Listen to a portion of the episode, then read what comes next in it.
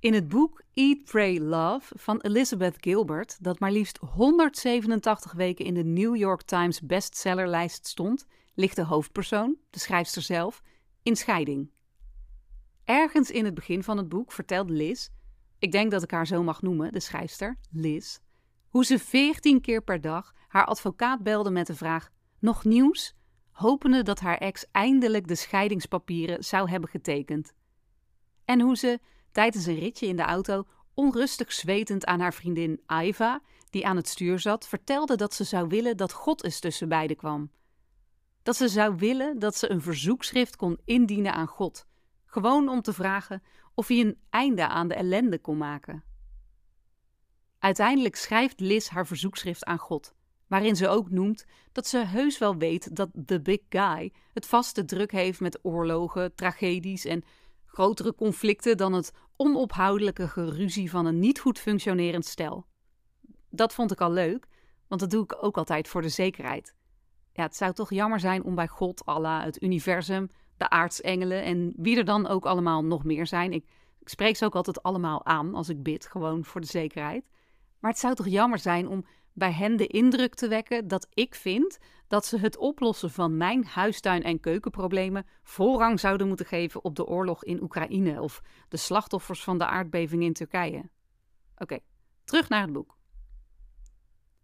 Nadat Liz haar brief voorleest, zegt haar vriendin Aiva goedkeurend dat ze haar handtekening eronder zou zetten. Omdat ze haar handen aan het stuur en haar focus op de weg in Kansas moet houden, besluit Aiva: laten we maar zeggen dat ik net mijn handtekening heb gezet. In mijn hart. In de twee pagina's daarna overleggen Liz en Aiva over wie er nog meer zou tekenen. Dat start bij familie, maar breidt zich snel uit tot inmiddels overleden voorouders, want die zouden vast ook hebben getekend, tot onder andere de Dalai Lama, de zanger van U2, en Nelson Mandela.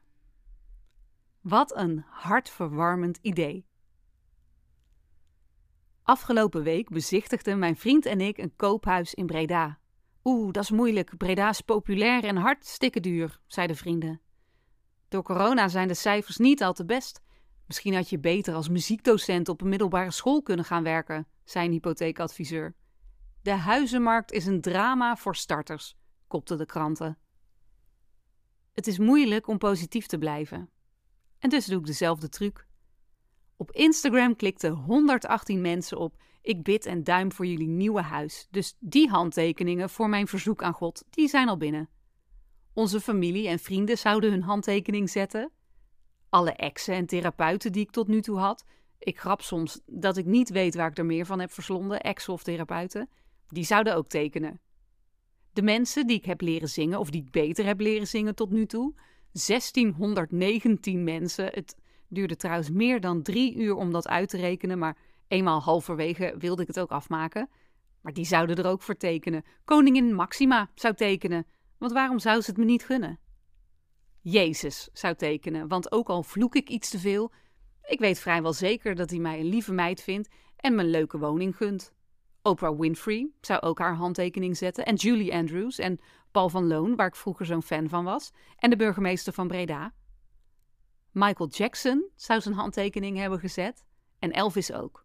Zelfs Yvonne Kolderweijer van het Juice-kanaal zou denk ik haar handtekening zetten voor ons nieuwe huisje.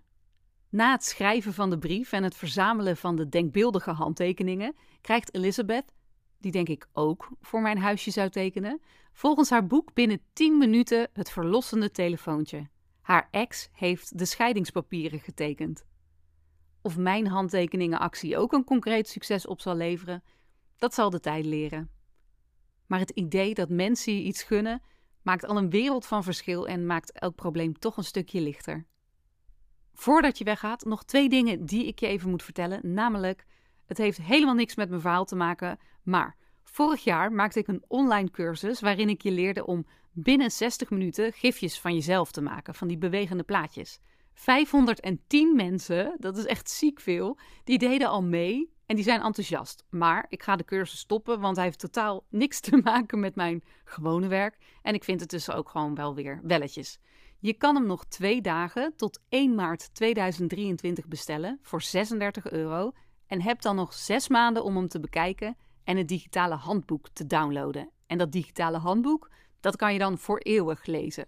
Ik zou het zeker even bekijken, want na een rondje googelen daarnet zag ik soortgelijke cursussen voorbij komen voor 127 euro en zelfs 240 euro. En dan twee, ik werd geïnterviewd door RTL Nieuws en ik sprak over muziek op je uitvaart, nieuwsgierig zijn naar de dood en muziek tijdens het kakken. Houdoe! Ik ben Anne Ermens en dit was de podcast die ik opnam op zondagavond 26 februari 2023. In de beschrijving van deze podcast vind je de bijbehorende linkjes. En luister je deze podcast maanden of zelfs jaren later, bekijk dan even mijn website www.anne-ermens.com om te kijken waar ik me dan mee bezig hou en wat ik voor je kan doen. Tot de volgende!